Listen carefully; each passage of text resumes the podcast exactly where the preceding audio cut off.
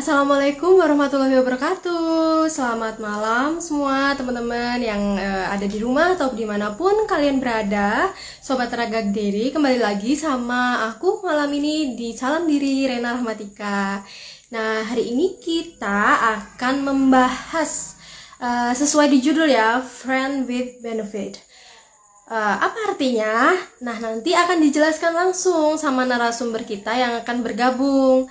Nah, Uh, sebelum kita panggil narasumber kita malam ini, uh, aku mau mengingatkan lagi buat uh, sobat-sobat tenaga diri ini, kalau semisal uh, kalian atau keluarga atau teman butuh tempat untuk konsultasi ataupun uh, mencurahkan uh, perasaan mereka permasalahan yang ada gitu. Nah, kalian bisa banget nih mm, menghubungi kami gitu.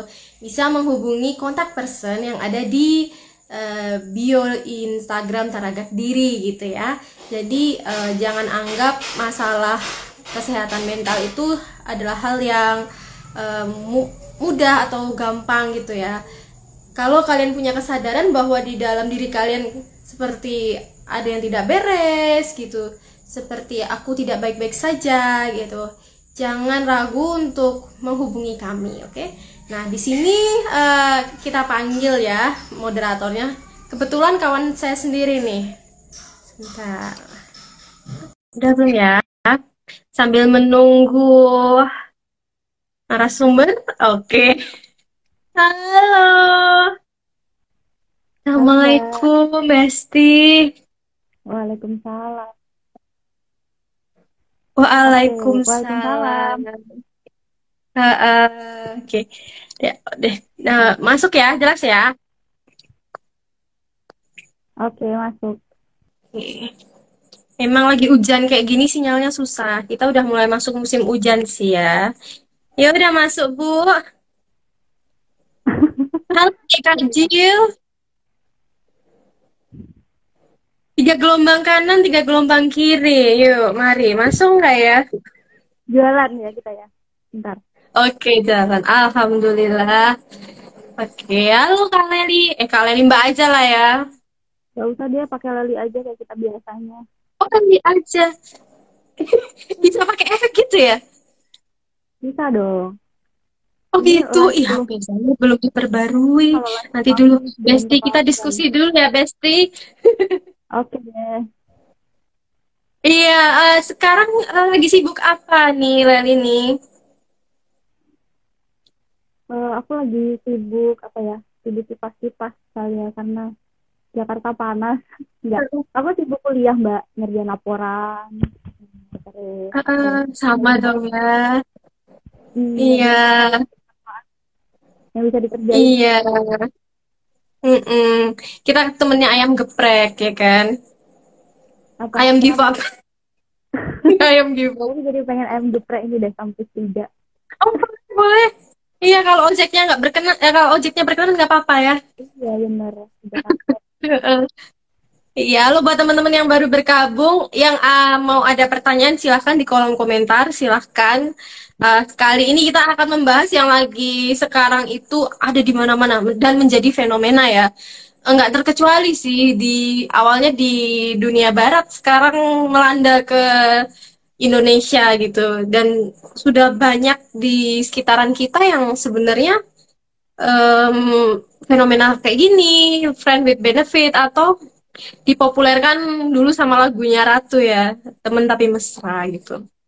Nah, uh, kita tuh cuman tahu ya friend with benefit itu ya dari sosial media khususnya sekarang tuh di TikTok di TikTok Instagram itu uh, kayak happening banget tuh uh, FWB FWB gitu ya istilahnya.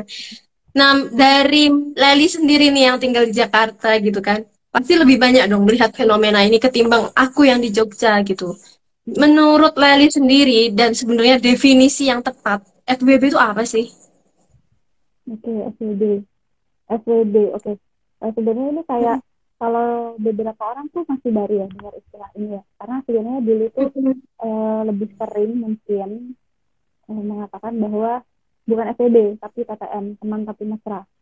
sekarang mungkin bisa juga disebut sebagai TTM tapi teman tapi terlalu mesra gitu ya tanda kurung terlalu bisa juga kayak gitu uh, sebenarnya FWB ini adalah cara garis besarnya friends with benefit uh, friends with benefitnya. Jadi kita ambil di benefitnya. Benefitnya itu kita dapat apa sih gitu. Benefitnya itu hmm, ya kita dapat kayak uh, mungkin aku definisiin dulu deh secara garis besarnya adalah hubungan romantis antara dua orang. Ingat ya antara dua orang. Tapi uh, keduanya ini kenal saling kenal bisa juga bahkan uh, saling sahabatan gitu ya. Temenan. Uh, jadi mereka melakukan uh, SBB atas dasar kesepakatan.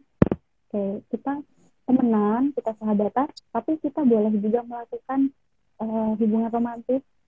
Dan terlebih SBB ini ya hubungan benefitnya adalah seksual. Jadi nggak nggak materi atau atau misal dikasih uang atau kita ngasih perhatian hmm, tapi lebih ke seksualitasnya.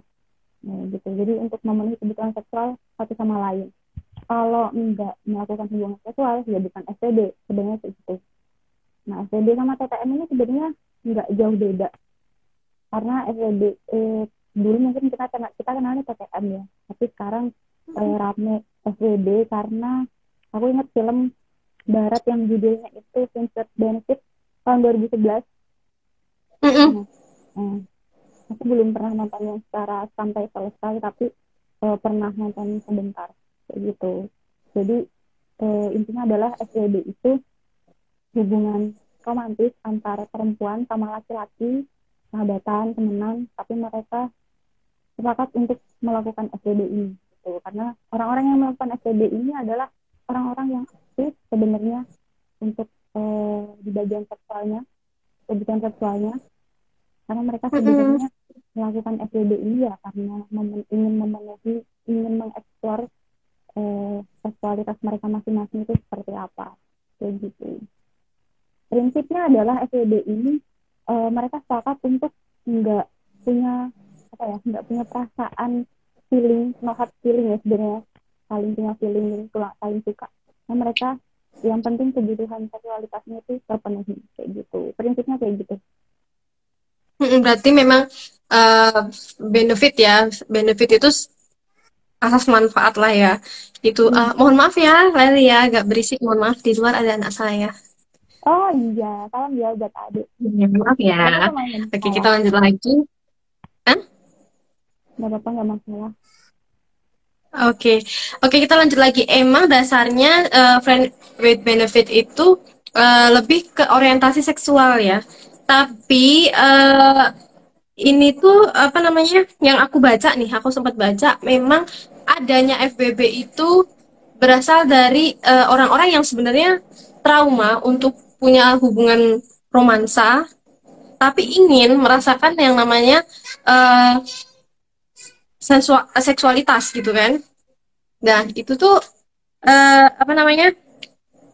Biasanya FBB ini dilakukan atau dimulai pada umur berapa sih gitu?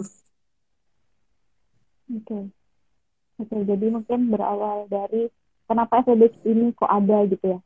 Eh, mm-hmm. ya. Eh, jadi kenapa FBB ini ada?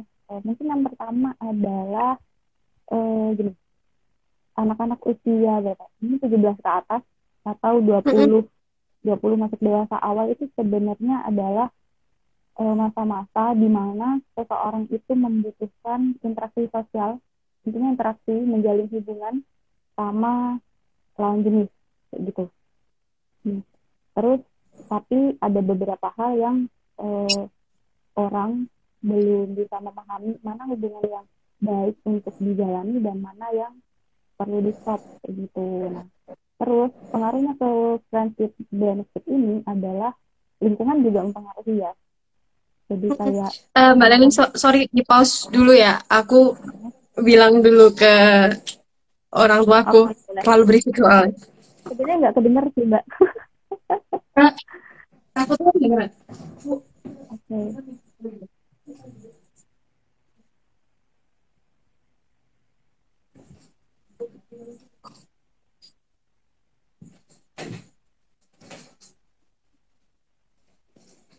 Uh, maaf sorry bisa dilanjut bu mm-hmm. oke okay. kalau nggak diajak les aja adiknya oh enggak jangan mengganggu oke okay, sampai mana tadi sampai kenapa bisa gitu ya Mm -mm. yang eh, Mbak Rena katakan tadi adalah uh, relate juga sebenarnya ya. Jadi relate sama usia tadi yang aku bilang. Terus juga mm -mm. Uh, yang selanjutnya adalah biasanya orang-orang yang pengen SBB ini kan dia pengen mengeksplor tadi sih di kebutuhan seksualitasnya seksualitasnya kayak gimana. Terus yang mm -hmm. kedua bisa juga disertai rasa rasa sakit hati gitu karena lelah di apa ya disakiti sama pasangan akhirnya udah melampiaskannya lewat SBB ini. Jadi SBB ini juga bisa jadi salah satu alternatif buat orang yang menginginkan aktivitas seksual tapi tanpa komitmen gitu tanpa komitmen hmm. ke arah hubungan yang lebih serius. Ini aku punya contoh punya cerita sebenarnya. Eh, waktu itu aku punya klien waktu adalah pokoknya. Jadi dia itu punya hubungan sama temennya. Temen hasil mm -hmm. kenalan dikenalin sama temen ya misal uh, Mbak Rena punya temen cowok terus mm-hmm. si cowok si Mbak Rena pengen kenal sama temen kamu ini. Gitu. kenalin dong. Berawal dari situ menjalin hubungan beberapa tahun sampai tiga tahun mereka mm-hmm. uh, sepakat untuk melakukan FWB jadi satu tahun temenan dulu tapi tetap kayak ada benih-benih mesra gitu ya. Terus jalan ke dia mulai melakukan aktivitas seksual tadi tapi dengan kesepakatan keduanya jadi nggak ada yang uh, merasa aku nggak pengen oh, SDM sama kamu tapi dua-duanya sepakat gitu. Bahkan uh, ini berjalan sampai suaminya udah eh, si cowoknya udah nikah gitu. Jadi si cowoknya udah nikah um, dia tetap tetap punya istri tapi dia tetap juga menjalani SDB ini sama si temennya tadi yang lebih kenal dia tadi sahabatnya tadi gitu. Jadi kenapa dia melakukan itu? Karena ketika dia merasa tidak apa ya bahasanya adalah uh, tidak puas dengan istrinya maka dia lari ke sahabatnya. Bahkan uh, sampai sekarang sebenarnya kayak gitu.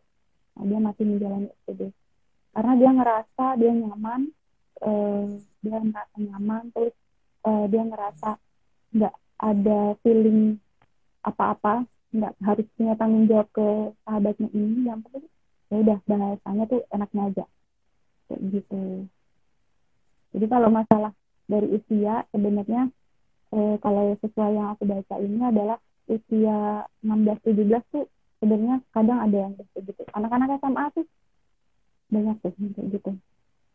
Udah mulai ya. Hmm. Hmm.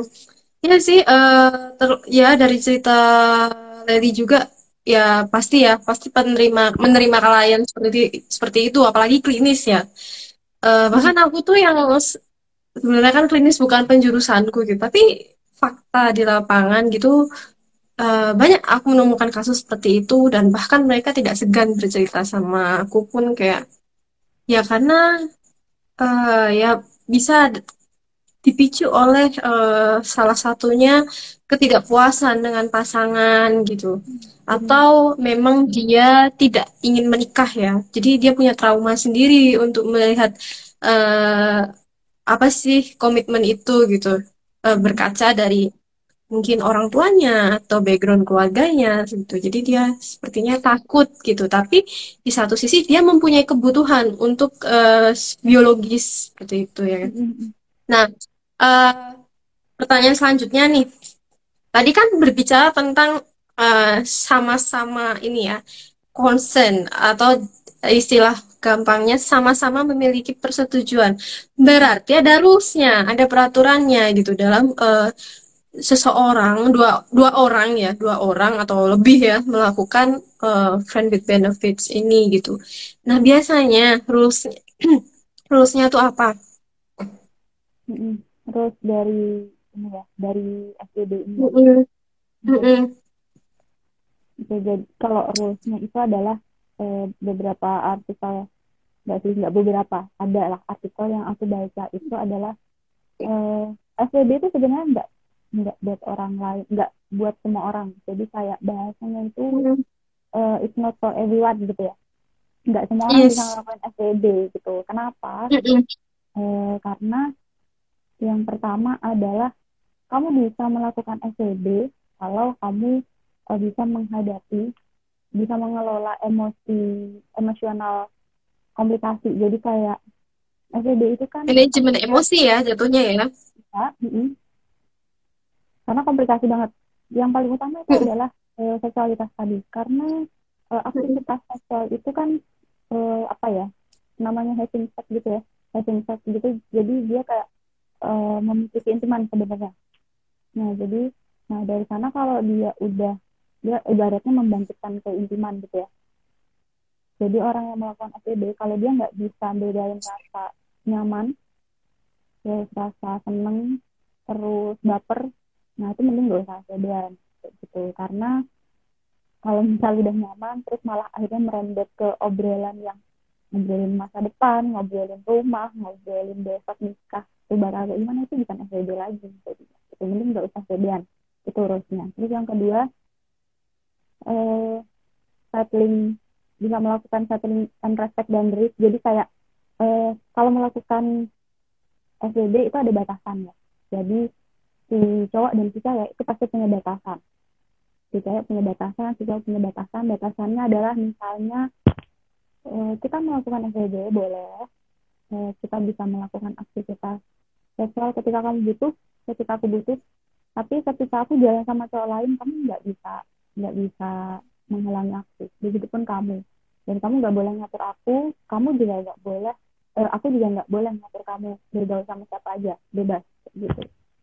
Nah kalau eh, si salah satunya nggak bisa nggak bisa apa ya nggak bisa menerapkan terus itu nggak bisa menerapkan batasan itu itu nggak bisa SDN gitu. Mending nggak usah gitu.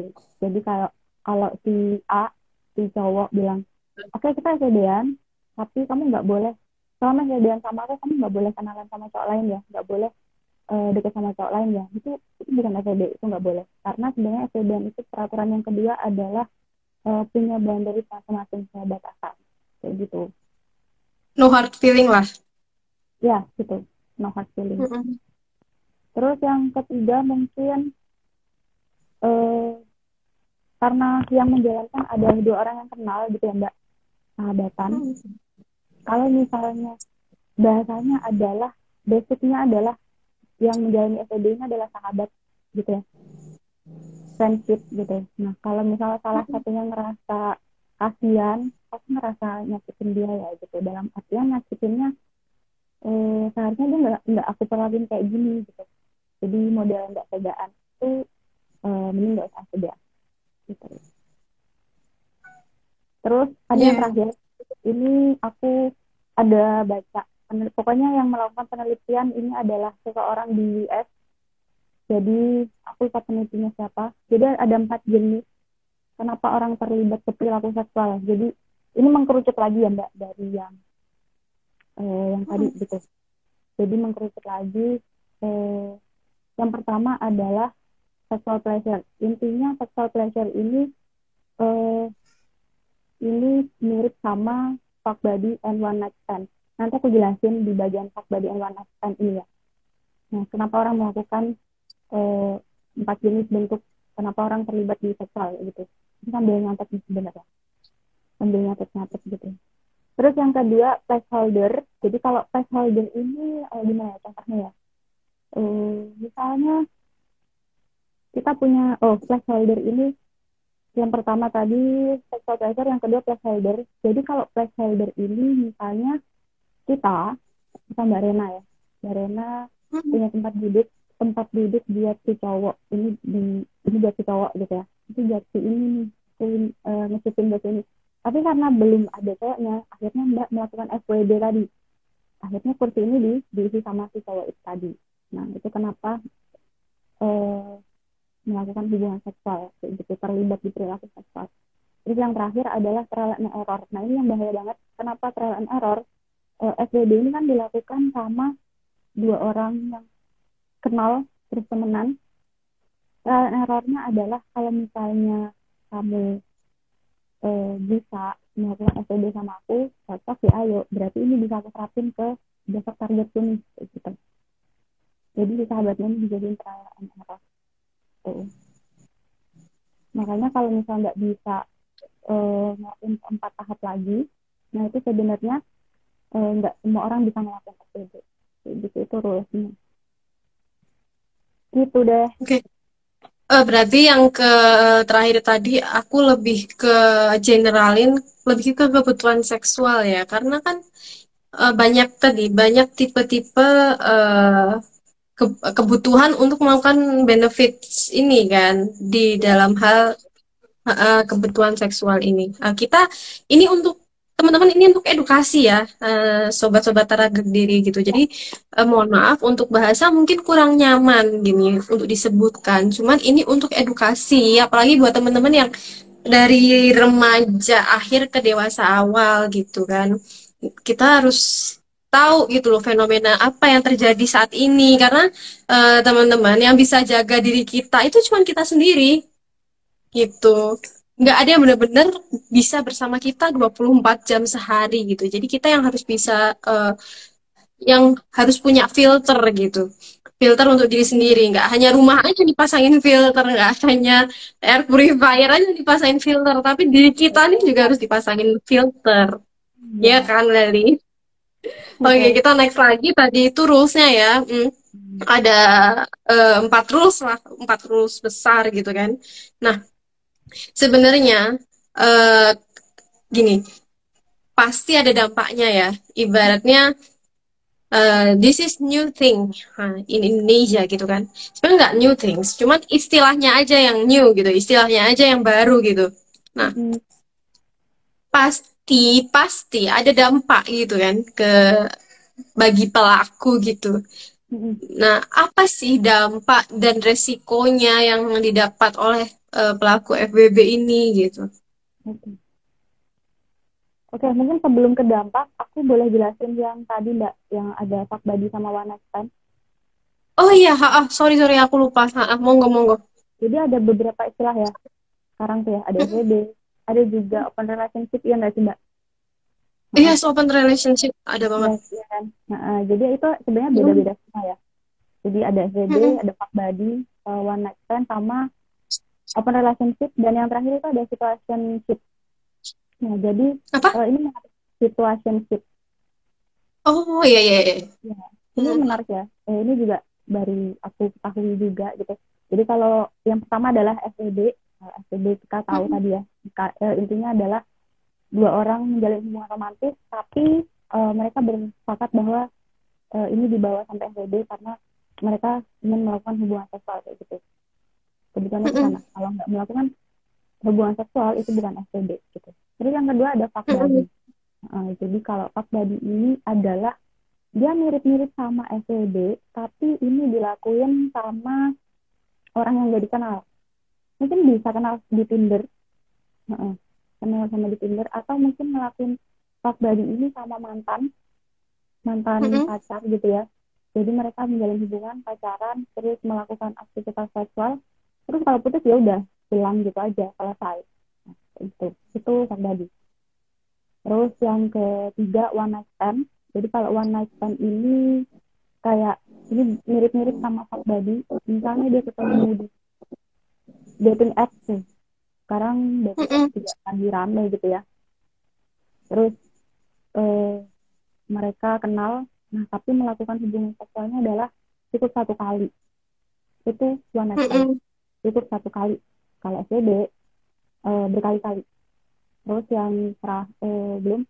Terus ada situationship kalau situationship ini kayak kasihan sih gitu. Ya jadi kayak kenapa aku bawa ini ya? Jadi biar kita tahu bedanya terus eh, biar kita nggak taunya hanya cuma SD gitu. Jadi kita bisa bisa belajar tentang apa aja sih istilah, istilah orang zaman sekarang. Kok maka sekarang sih kayak makin aneh gitu ya makin istilahnya makin banyak gitu ya situationship kalau situationship ini aku bilang kayak kasihan karena oh, mungkin ini pernah dialami oleh penonton di sini.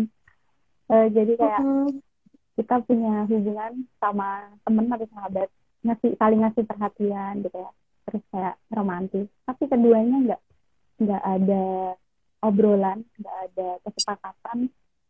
Oh aku sayang sama kamu aku suka sama kamu nggak ada nggak ada ungkapan apa pun. Jadi ya udah berjalan gitu aja. Terus salah satunya menganggap bahwa eh, salah satunya baper sendiri kok dia perhatian ya kok ada gimana. Terus tapi nggak ada obrolan gitu.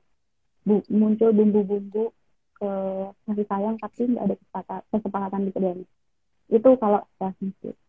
Itu kalau yang terakhir. Kalau yang terakhir open relationship itu uh, ini ada kesepakatan, kesepakatan keduanya. Jadi kayak ada artis siapa lupa. Uh, John Smith. Lupa deh. Dia kalau sama istrinya dia punya kesepakatan bahwa oke okay, kita bisa melakukan hubungan dengan orang lain sama-sama. Nah, dengan prinsip uh, kita akan kembali tetap kita akan kembali berdua menjalankan hubungan sebagai seorang suami istri. Tapi kamu sama aku di luar juga boleh mencari yang lain. Gitu. Uh, apa ya alasannya? Kalau nggak salah alasannya adalah mereka ngerasa biar komunikasi mereka itu tetap terjalin ketika mereka sal saling kembali kayak gitu. Jadi punya cerita lain. Itu open relationship. Gitu. Terus apa tadi? Terdampak ya? Mm -mm. dampaknya secara baik fisik dan psikologis ya pasti. Mm -mm. boleh. Jadi kalau aku mulai dari fisik kalau dari fisik pasti teman-teman tahu ya kalau kita itu melakukan hubungan seksual gitu. Ada aja fisiknya pasti. Efeknya. Kayak misal uh, sakit kelamin gitu. Terus juga HIV. Terus juga kalau kalau itu itu ya itu fisik beberapa yang sebagai itu kayak gitu. Terus kalau psikis psikis otomatis kita akan terpengaruh ya teman-teman ya kenapa? Karena yang pertama tadi adalah eh, kalau kita sulit untuk mengelola perasaan ketika menjalani SPB kayak yang rules yang aku katakan tadi ya. Kalau kamu nggak bisa memanage perasaanmu sama teman SPB-mu ya kamu nggak bisa menjalani SPB kayak gitu. Mm-hmm. terus mm, jadi kalau misal dia nggak bisa mengelola perasaannya karena itu tadi dari tadi SPB itu uh, aktivitas seksual sebenarnya. Kalau dia baper itu uh, terus ternyata yang uh, si yang satu nggak ngerasa baper ngerasa biasa aja. Misal yang cowok baper yang cewek nggak baper atau sebaliknya. Jadi kayak bertepuk sebelah tangan. Jadi kan dia stres sendiri tuh. Mm-hmm. stres terus ngerasa eh, aku kayaknya ngelewatin batas deh. Jadi udah sampai di sama kamu deh. Kalau itu tantangannya dampaknya ke, ke akhirnya ke psikis gitu. Terus stres meningkat gitu kan. Stres itu juga bisa. Jadi berhubungan sih sebenarnya kalau stres itu meningkat karena bisa jadi dia nggak bisa apa ya mengikut meng, apa menjalani batasan. Jadi kayak dia ngelewatin batas gitu. Yang awalnya mereka berdua itu punya batasan masing-masing. Oh kamu nggak boleh ganggu aku buat jalan sama ini ya. Kamu kan cuma SPBN ku. Oke aku juga nggak akan ganggu kamu ya gitu tapi kalau udah salah satu yang ngelewatin uh, kamu nggak usah jalan sama dia nggak gitu. Kamu kan masih ada SPBN sama aku nah. Tapi kalau uh, pasangannya nggak mau gitu pasangan SPB-nya nggak mau itu kan juga salah. Terkait bikin dia uh, gak nyaman. Iya, aku juga nambahin ya Larry gitu. Uh, Makanya kalau kebanyakan orang WFBB itu dia punya arus uh, kapan dia mulai dan kapan dia harus berhenti gitu. Hmm. Biasanya. Biasanya yeah. atau bisa jadi waktu berhenti itu saat uh, kapan nih harus berhenti?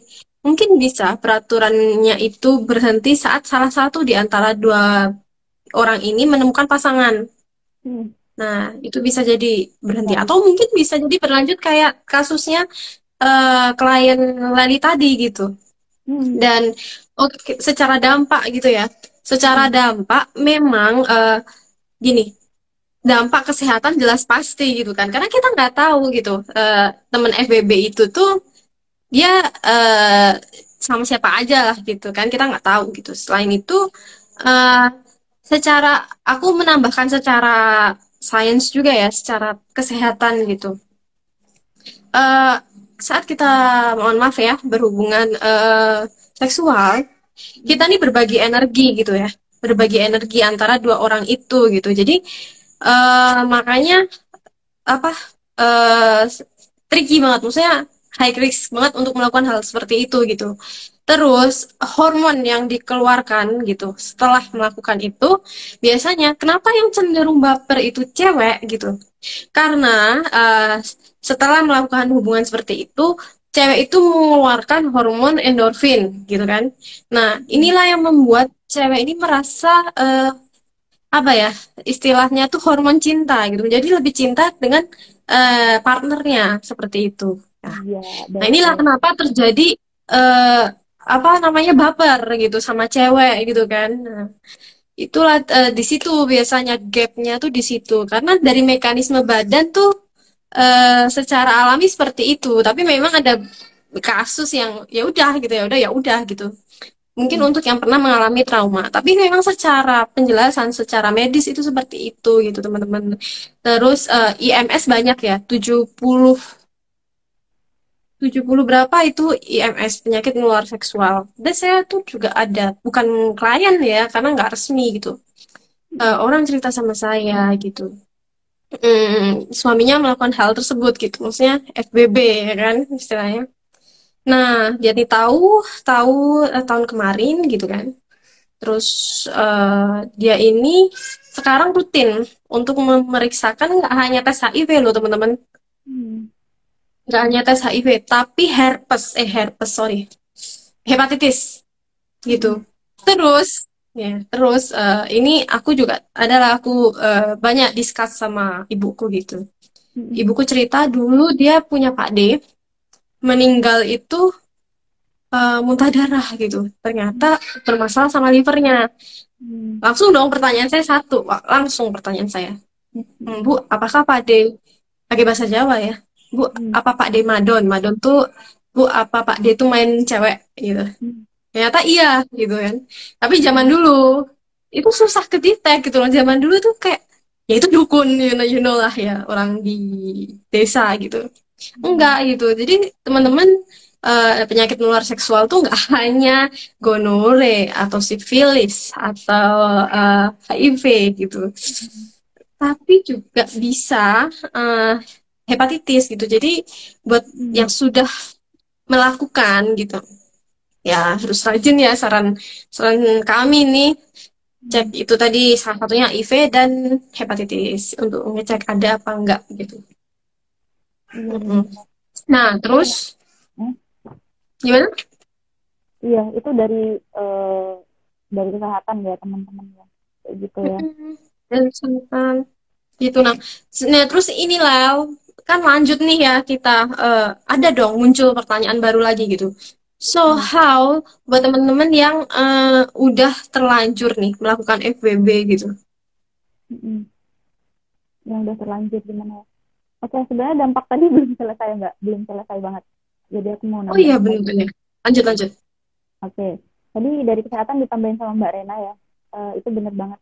Jadi uh, bisa juga ke hepatitis kayak gitu ya. Dan itu sebenarnya bisa uh, bisa berkelanjutan ya Mbak. Akhirnya tuh tiba-tiba datangnya nggak nggak langsung. Jadi beberapa tahun ke depan tuh ada juga. Ya. Terus kalau aku nambahin lagi dampaknya itu juga uh, selain penyakit menular tadi ya jadi eh, ketika orang melakukan SBB keduanya ini dampaknya adalah dia tidak lagi menghargai sebuah hubungan tidak lagi menghargai sebuah hubungan bahwa ketika laki-laki sama perempuan punya hubungan yang mungkin katakanlah spesial gitu. Kalau dia benar-benar kalau dia punya komitmen kan eh, dia nggak akan melakukan itu gitu kan. Maka keduanya akan menjaga. Kalau dia melakukan SWB meskipun dia sahabatan itu artinya kan dia lepas dari sebuah menghargai sebuah penghargaan terhadap hubungan tadi. Terus uh, mungkin yang ke selanjutnya jadi kayak setelah tidak menghargai akhirnya mereka merusak pertemanan masing-masing kayak gitu. Karena ada beberapa yang setelah SWB-nya selesai ya mbak. Jadi mereka ada juga yang nggak temenan lagi kayak gitu. Udah juga yang selesai pertemanannya. Jadi kayak malah makin canggung nggak enakan. Yang awalnya mereka deket banget gitu. Terus? Eh, menurutku ya Lel gitu. Sorry memotong gitu. Menurutku sendiri saat seseorang uh, memutuskan untuk melakukan FWB sendiri, menurutku ya, menurut pandangan logisku dengan wawasan yang ada yang aku pelajari, saat orang memutuskan untuk melakukan FWB, secara tidak langsung dia sudah se seperti tidak menghargai sebuah hubungan gitu loh. Kalau menurutku ya, menurutku. Tapi itu akan berbeda di di apa ya ibaratnya defense-nya masing-masing orang yang melakukan hal tersebut. Defense itu apa sih teman-teman? Defense itu pengharga apa ya ibaratnya pertahanan diri gitu. Iya. Ini ada yang ngomong kak siapa Vagenius. Nah ini kenapa cewek baperan gak usah ada hubungan seksual tiba-tiba dikirimin goput aja udah mikir nanti nikah mau pakai adat apa? Relate ya? Saya juga dulu waktu belum nikah gini kok. Digoputin langsung seneng gitu ya langsung melek gitu matanya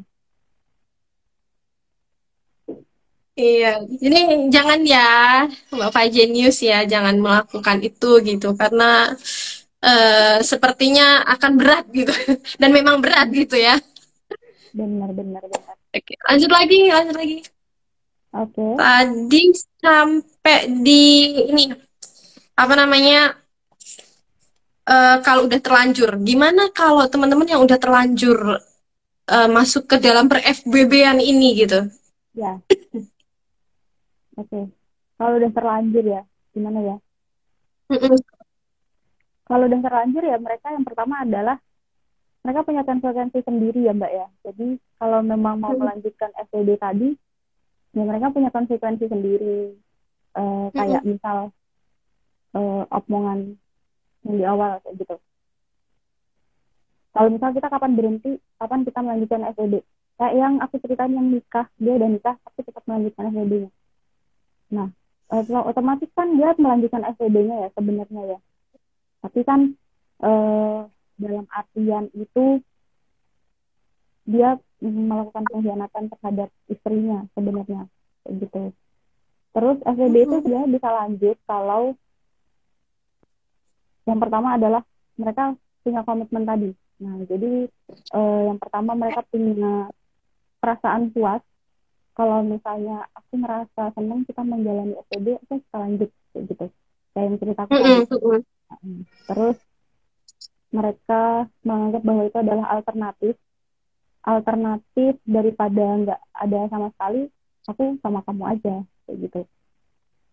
Terus juga Oke, okay, jadi orang yang bisa up, lanjut atau enggak di SPB gitu ya.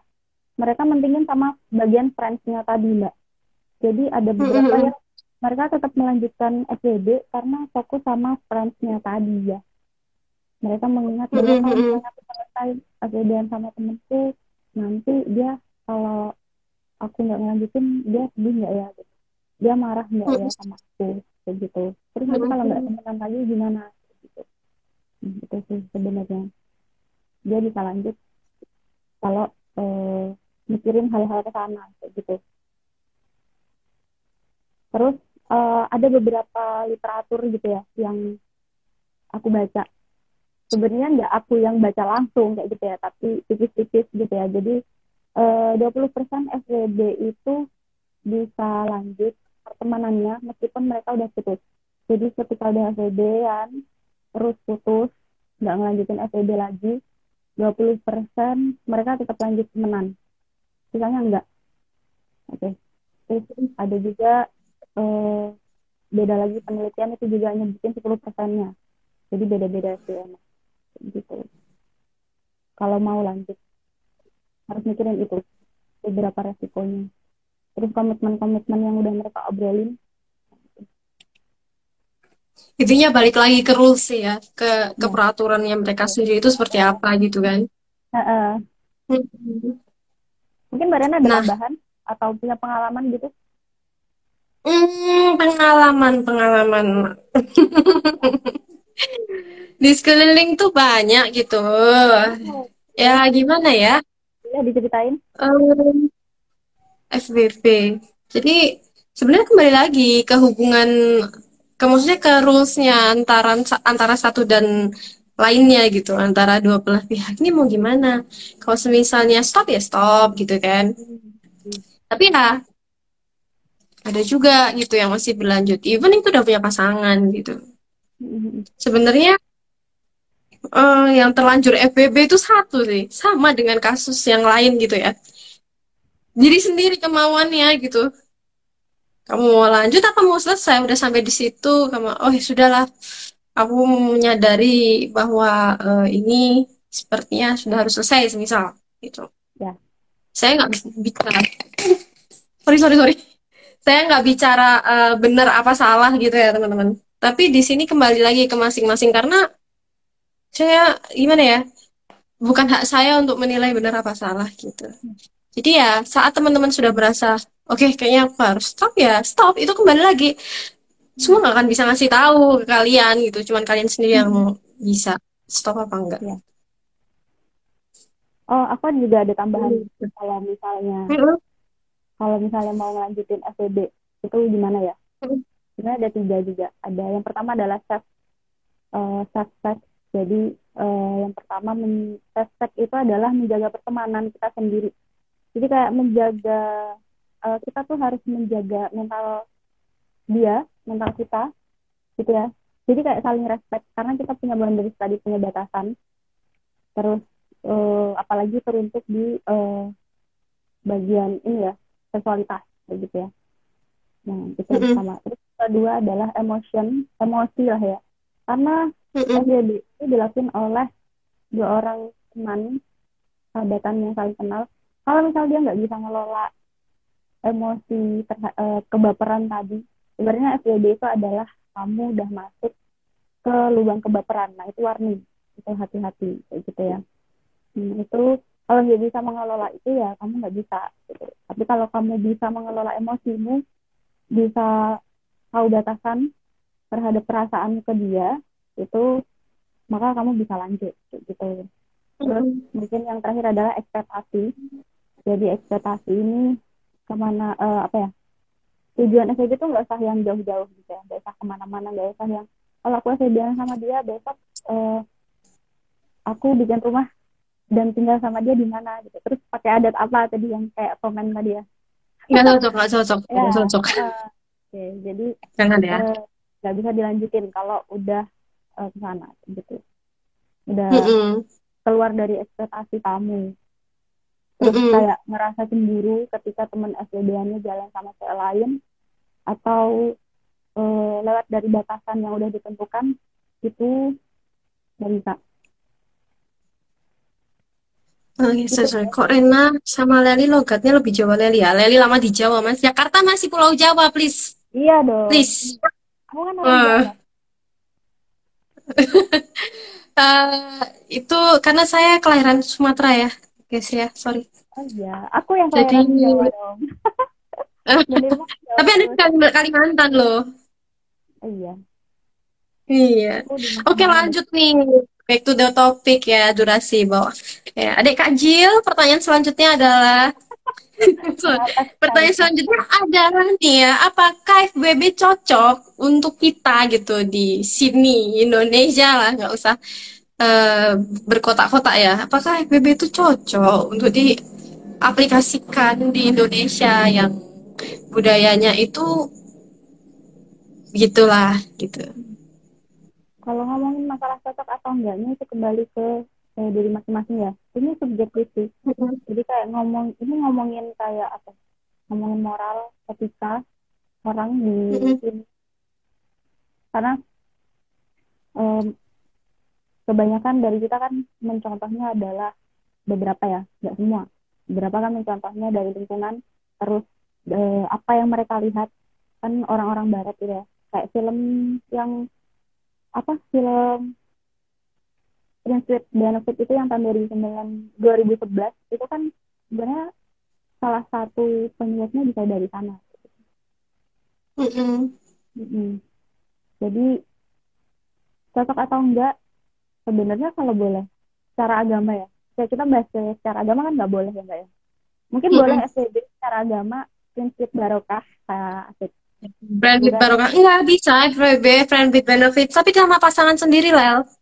Oke boleh, itu juga boleh. Atau benefitnya adalah bukan ke arah seksual mbak, tapi benefitnya itu mungkin ke ilmu yang bermanfaat jadi salah Mm-mm. Uh, dia bermanfaat buat kita kita juga bermanfaat buat dia kita kita ngingetin dia ketika dia salah dia juga bisa ngingetin kita ketika kita salah jadi membawa ke hal baik jadi bukan Mm-mm. bagian benefitnya yang ke arah kita salah tadi gitu Oke. Kalau- Kalau aku nambahin dikit ya. Mm. Friend with boleh? bapak. Friend with bapak. Ya boleh, boleh, boleh, boleh, boleh. Siapa Iya, yang sensitif Ini Mas Dika. Eh, eh, kalau aku gini sih, kita itu di beda ya, karena awalnya PP itu dari negara barat gitu. Eh, whatever lah with eh, West culture gitu. Tapi kalau di Indonesia sendiri gitu, di Indonesia itu mohon maaf ya, eh, mungkin ini lebih tidak tidak netral jawabanku, tapi ini adalah fakta gitu. Kita Iya. bernegara di negara yang di mana kita harus punya agama gitu kita tinggal di tempat yang di negara yang kita harus memilih agama gitu Mm-mm. ada sekarang enam agama besar gitu kan Eh, Mm-mm. Islam ke Katolik Kristen Hindu Buddha Konghucu gitu yang baru tuh nah dari aku nggak tahu ya dengan Buddha Konghucu ya gitu Ya. Eh, tapi kita sama-sama tahu gitu. Eh, aku BTW aku dulu pernah baca Bible lah gitu dikit gitu. Nah, eh, di situ pun ya nggak ada gitu, nggak ada ya. Boleh ya aku dikoreksi gitu, boleh aku dikoreksi. Maaf ya kalau aku Hmm. salah. Tuh nggak ada gitu. Eh, dan secara Islam pun ya nggak ada gitu. Nah. Pancasila nggak mewajibkan beragama, hanya memberikan hak untuk beragama. Ya, pertanyaannya apakah di KTP boleh ditulis ateis gitu? Kan sekarang gitu aja ya, pertanyaan saya. tanya. Nah iya gitu loh, itu eh, simpelnya aja. Apakah boleh di dalam KTP tidak ada tidak dicantumkan agama gitu? Respect aku hantu. Oke, itu gitu nyatanya Mas Dika gitu. So, eh, gimana ya? Kalau secara culture dan secara bernegara di Indonesia gitu, ya sepertinya tidak cocok gitu. Maksudnya bahkan tidak dianjurkan gitu loh. Kita kan melakukan sesuatu ya. Kita tidak usah membahas dari dari aspek agama, kita membahas dari aspek manusianya sendiri. Kita itu hidup itu kan eh, pasti memilih untuk kita di zona nyaman ke depannya gitu kan. Di zona nyaman itu apa sih gitu. Nyaman itu kan subjektivitas gitu ya. Tapi yang pasti adalah eh, wealthy gitu. Maksudnya eh, financial stability gitu kan. Terus eh, kesehat stab, apa kesehatan jasmani, rohani gitu kan. Kita menjalankan hidup tuh eh, menjadi se- seorang yang punya legacy baik. Legacy itu eh, saat kita nggak ada tuh kan kita ingin di, dikenal sebagai apa? Pasti kan sebagai hal yang baik gitu loh. Ya menurutku Hmm. sih kalau something sesuatu gitu yang itu terlihat dampaknya merugikan kita, ya lebih baik hindari atau bahkan ditinggalkan gitu loh. Terlepas apa pun itu gitu. Saya tidak membahas secara agama nih, ini secara manfaat buat kita nih gitu. Mm-mm. Kalau menurutku sih seperti itu gitu. Oke, setuju. Setuju. Bintang 5 buat Mbak Rena. Alhamdulillah lulus saya cum laude. Oke, tambahannya teman-teman ya. Eh, eh, aku pribadi nggak yang ingin membahas langsung ke agama. Oh ini nggak boleh berdosa itu enggak. Karena di sini kita sebagai eh, calon psikolog gitu ya. Jadi kita bahasnya lebih ke mental apa aja yang mungkin eh, Kita lebih ke general aja. Heeh. Mm. Karena TB itu apa ya? Tricky, susah ya, banyak juga resikonya. Resiko tinggi sih, Hmm, resiko tinggi FBB tuh. Iya, Jadi benar. s- pesan dari aku sih teman-teman jangan dilakukan lah, jangan dilakukan ya. Karena eh, itu lebih ke tanggung jawab ke diri sendiri gitu. Apakah kamu bisa berprinsip melakukan komitmen apa enggak ke depannya nanti. Kalau kamu menghargai sebuah hubungan ini, kalau buat kalian yang menghargai sebuah hubungan, ya jangan dilakukan gitu. Karena bagi perspektif aku nih, saat you do FBB gitu, ya, ya. Sudah tidak menghargai hubungan, kurang menghargai hubungan gitu sih. Mm -mm. Tapi ini terbuka ya. Uh, apa open mindset gitu. Jadi kalau menurutku itu sudah tidak menghargai hubungan itu. Itu sih. Boleh nakal, yang mau. Okay. Boleh nakal tapi nggak boleh melanggar aturan agama. Ya, tapi susah sih. Itu susah loh. Boleh nakal tapi nggak boleh melanggar aturan agama. Susah, bos. Tapi ya apa di Mm-mm, nakalnya dalam apa dulu nih? Mungkin bisa di komen Mas Dika contoh nakal tapi halal. ya kan? Kalau tidak melanggar aturan agama nakal tapi halal silakan di iya. komen. Ya mungkin iseng-iseng dikit boleh lah ya. Bercanda gitu. Bercanda terus uh, apa lagi? Ya seputaran itulah ya. Mm tapi kalau menurut Leli sendiri nih FBB yes or no? Aku? Hmm. oh kalau aku sih ya enggak dong. No ya sama berarti iya mm-hmm. kecuali itu tadi prinsip prinsip prinsip barokah friendship ya friendship barokah ya. oke okay. uh. atau boleh friendship benefit tapi benefitnya bukan ke arah sana ya ya kayak aku bilang tadi karena benefit itu kan nggak cuma sebenarnya kalau misal nggak ada istilah FWB with benefit dalam artian seksualitas tadi ya hmm, kan kita juga bisa ngambil keuntungan banyak nih kalau kita sahabatan sama orang ya. Kalau dia baik gitu kan kita bisa ngikutin dia gitu. Mm-hmm. kita ambil yang ke sananya aja. Gitu sih mm-hmm. tapi enggak sih ya teman-teman kok bisa? Jangan karena ya itu tadi yang perlu tegaskan dan jelaskan di awal gitu. Yang namanya kita apalagi kan uh, maksudnya berbagi pengalaman aja lah. Aku alhamdulillah dan nikah gitu ya yang namanya hubungan uh, badan itu tuh berbagi energi gitu sama pasangan kamu. Ya. Bayangkan kamu berganti-ganti orang gitu. Bayangkan kamu berganti-ganti orang gitu dengan energi yang berbeda-beda. Badanmu mau jadi apa? Gitu. Tapi kalau friendship benefit itu kan sebenarnya nggak yang selalu ganti-ganti orang ya, Mbak. Kalau misalnya dia yang selalu hmm, melakukan hubungan sahabat eh, sama sahabatnya sendiri sama itu aja ya udah gitu. Karena friendship hmm. benefit itu sebenarnya bukan masalah ganti-ganti orang gitu, tapi sama siapa melakukannya gitu. Nah, kebanyakan sama sahabatnya sendiri, sama temannya sendiri. Mm. Beda lagi sama yang uh, Pak Badi tadi atau One Night Stand itu beda lagi. Ini untuk case-nya yang ini sih, Lel, lebih ke apa namanya? Yang udah nikah sih. Mm -mm. Mm -mm, oh, itu kan otomatis dia kan not only one kan. Eh lagunya Sam Smith dong, Bu. Hmm, lucu. Tapi one eh meskipun dia udah nikah gitu ya dia juga bisa eh, nggak uh, cuma FWB-an dia juga bisa menerapkan one night stand tadi. Uh, ya pokoknya jangan deh guys. Hmm. please don't do don't do it jangan dan jangan kau bisa jangan berpikiran untuk melakukan itu. Itu Mbak Rina karena banget ya? aku nggak banget karena aku ya kalau aku aku punya prinsip gitu. Prinsip prinsip aku sendiri Islam itu sendiri gitu.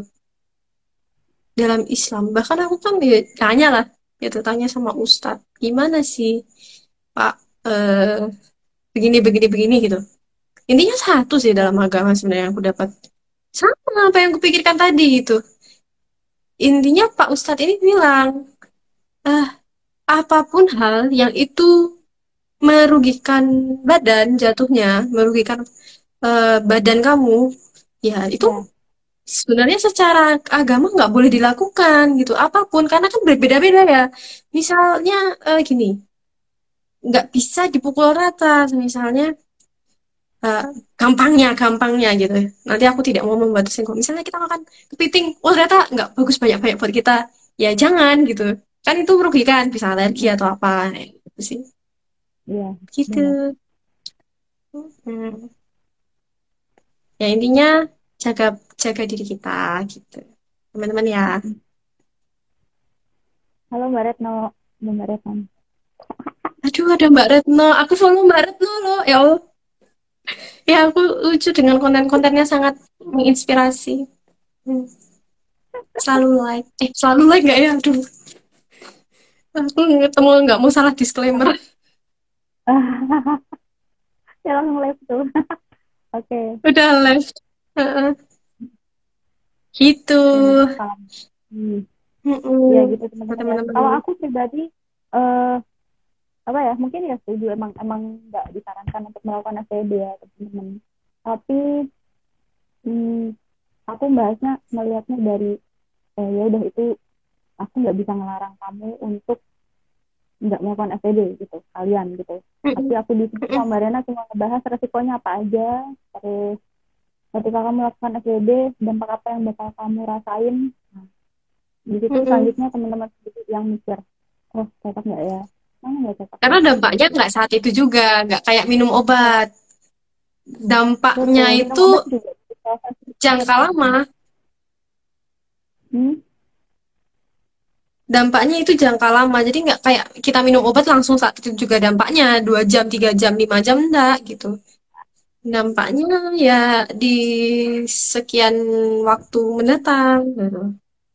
Mm-mm. Kayak baik secara psikis dan fisik Kayak cerita Mbak Rena tadi yang Pak D-nya itu, Pak D ya, maaf kalau salah.